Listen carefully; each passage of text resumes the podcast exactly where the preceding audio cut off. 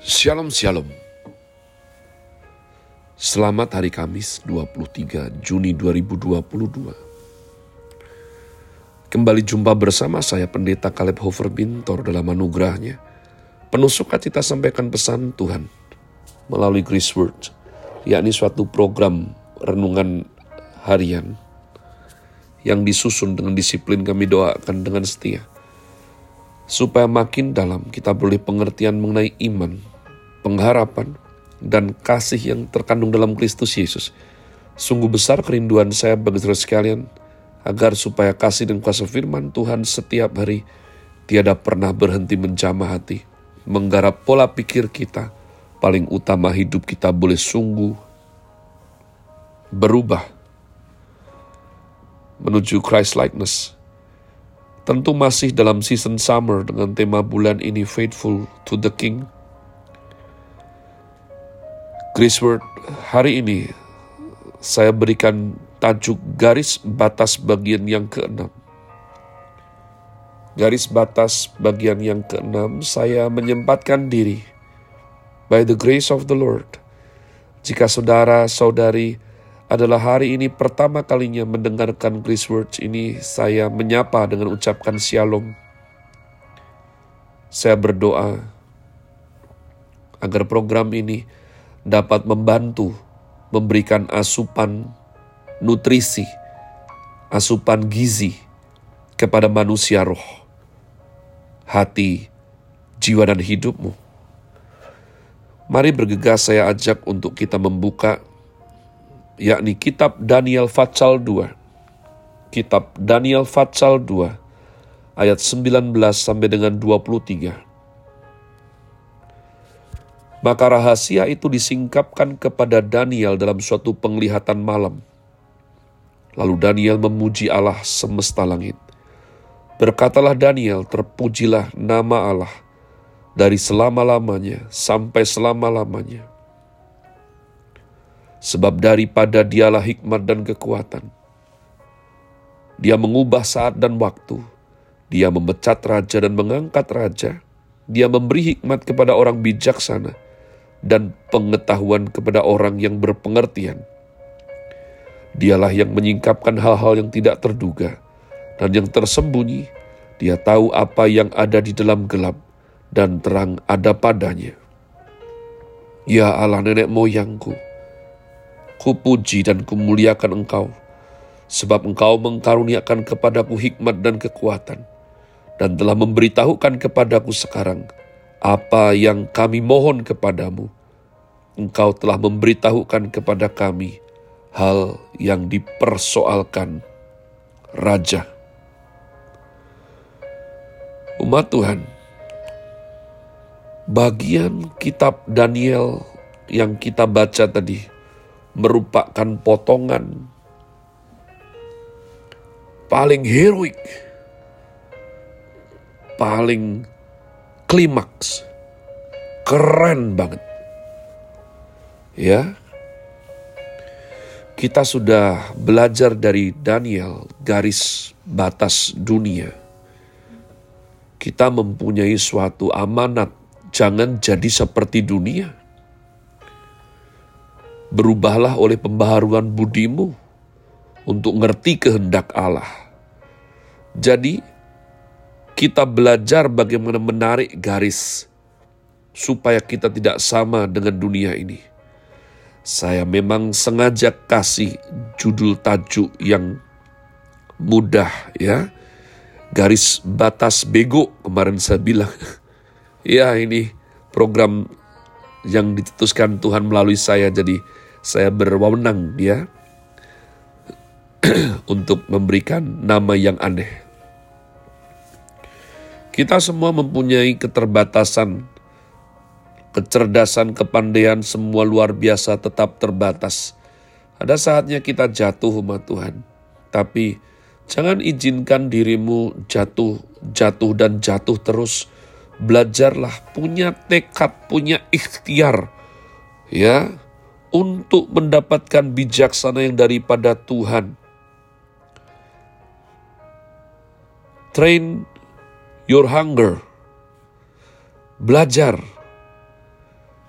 Jangan hidup apatis, skeptik, punyai passion, punyai kerinduan untuk bijaksana. Beyond knowledge, God provides wisdom. Cari.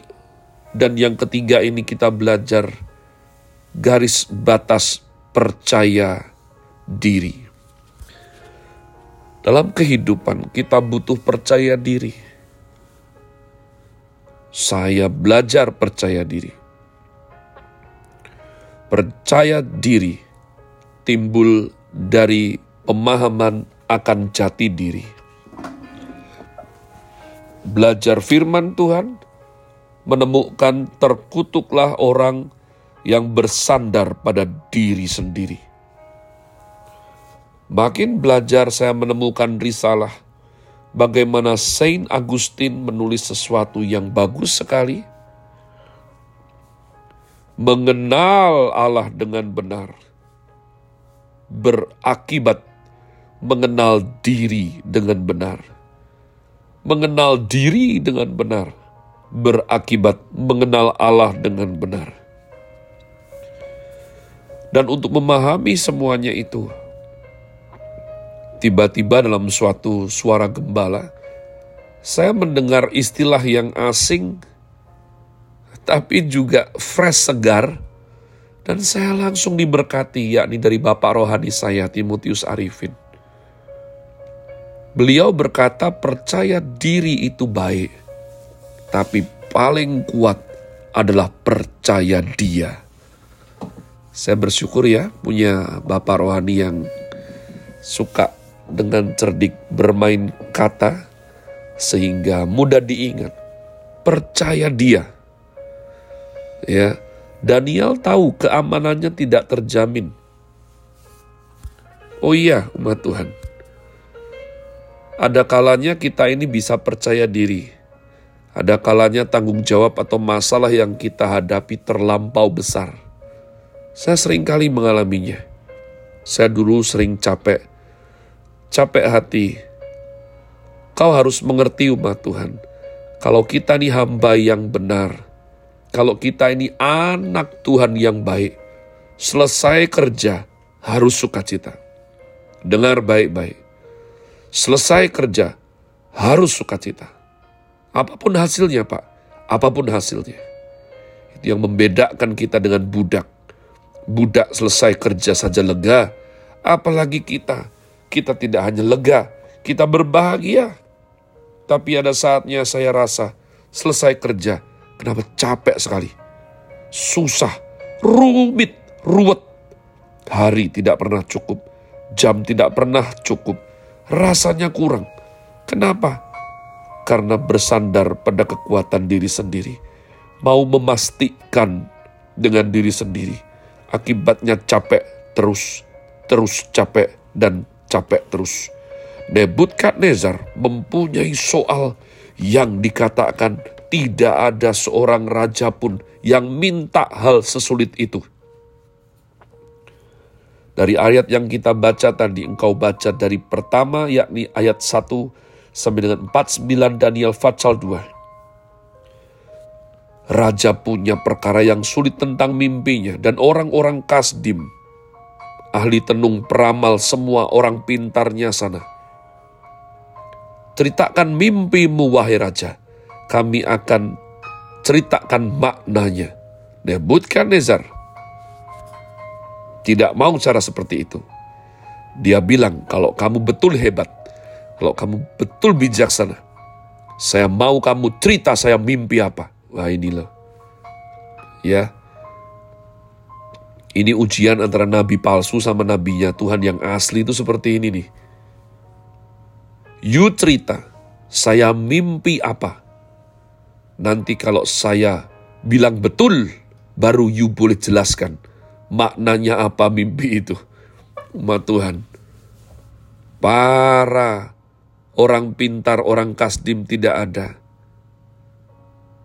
Tidak ada yang bisa, mana ada seperti itu, bahkan mereka berkata, kau minta hal yang ngawur katanya, Raja murka, dan memberikan suatu perintah. bunuh semua orang bijaksana di seantero istana. Sehingga berita ini terdengar oleh Daniel melalui Ariok, ya pekerja raja. Singkat cerita tadi kita baca ayat yang menunjukkan Daniel bersepakat dengan kawan-kawannya, lalu berdoa berseru kepada Tuhan, dan Tuhan bukakan hal tersebut. Ya, hebat sekali. Orang-orang Kasdim sudah berkata, di dunia ini tidak ada yang demikian. Tapi dibuktikan Allah adalah sumber hikmat. Allah adalah sumber kekuatan. Daniel berkata beberapa kali, terima kasih Tuhan untuk hikmat dan kekuatan Daniel mengatakan mimpi sang raja. Dan Daniel memberitahukan maknanya. Umat Tuhan, not by might, nor by power, but by the Spirit of the Lord. Kita ini sangat terbatas. Percaya diri kita ada batasnya. Kita harus mengerti kapan Kapan kita